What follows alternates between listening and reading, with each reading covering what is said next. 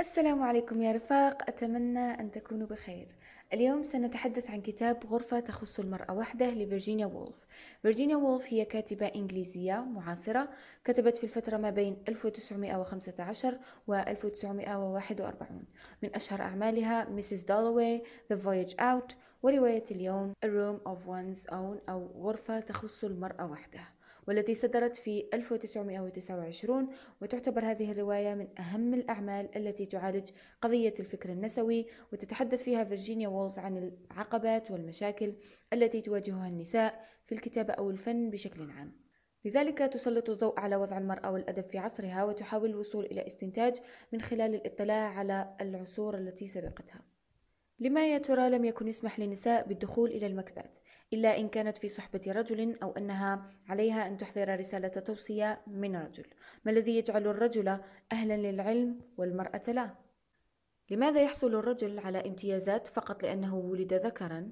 لماذا الحالة المادية للرجل غالبا ما كانت تكون ميسورة في حين يعاني الجزء الآخر من الفقر؟ ما تأثير الحالة المادية على الإبداع الفني والكتابة؟ ما هي الشروط التي يستلزمها خلق عمل إبداعي؟ وهنا تجيب فيرجينيا وولف أنه أحد الأسباب الرئيسية في قلة إسهامات النساء للأدب في العصور القديمة هي غياب الاستقلالية المادية. لم يتعلمن ولا عملن ولا حتى كن يرثن المال من آبائهن فكانت مباشرة تنتقل إلى أزواجهن.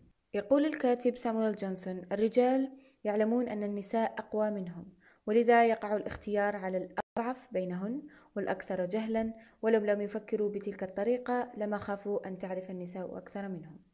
وهنا تشير فيرجينيا وولف إلى قلق الرجل الدائم من أنه في يوم ما ستتفوق عليه النساء فعليه دائما أن يحرص على أن تبقى في مرتبة أدنى منه.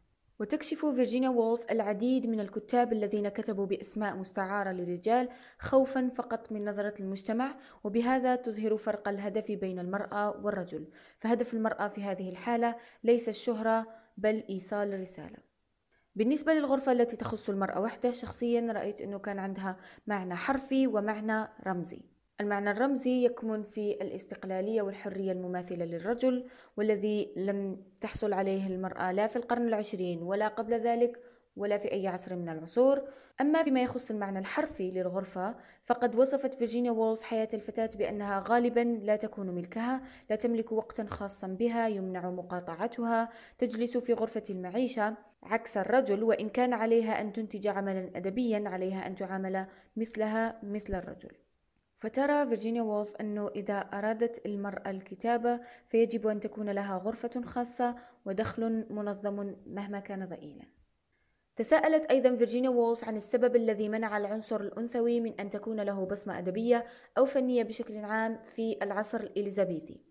في حين أنه من المعروف أنه هذا العصر شهد ازدهار الأدب والفن والإجابات كانت أنه أولا النساء لم يتلقين التعليم ولم تكن لهن غرف تخصهن وكن يتزوجن في سن مبكرة وتتغير أولوياتهن إلى الزوج والأطفال والأعمال المنزلية وأخيرا لم يمتلكن المال وحتى ما يملكن كان ينتقل إلى ملكية الزوج. وأيضا من الجدير بالذكر أن فيرجينيا وولف في طرحها للمسألة ومناقشتها لقضية النسوية في هذه الرواية استخدمت ما يعرف بتيار الوعي أو stream of consciousness وهو أسلوب للسرد يعتمد على نقل الأفكار مباشرة من عقل الشخصيات. بالنسبة لرأيي الشخصي في هذا الكتاب كان بمثابة دليل لتاريخ الحركة النسوية وجعلني أطرح العديد من التساؤلات لوضع المرأة الحالي وهل فعلا تغير وضع المرأة بعد كل الحركات النسوية التي شهدها العالم أم أن استعباد المرأة لا زال ساري لكن تحت غطاء الرقي والتطور. And that's it. أتمنى أنكم استمتعتم بالمراجعة. بالنسبة للأشخاص الذين قرأوا الرواية أتمنى أن تطلعوني على آرائكم في التعليقات. وبالنسبة للذين لم يقرأوا الرواية إن كنت مهتما أو إن كنت مهتمة بالحركة النسوية أنصحك بقراءة هذا الكتاب. إن أردت أو إن أردت. And okay. Take care. السلام عليكم ورحمة الله وبركاته.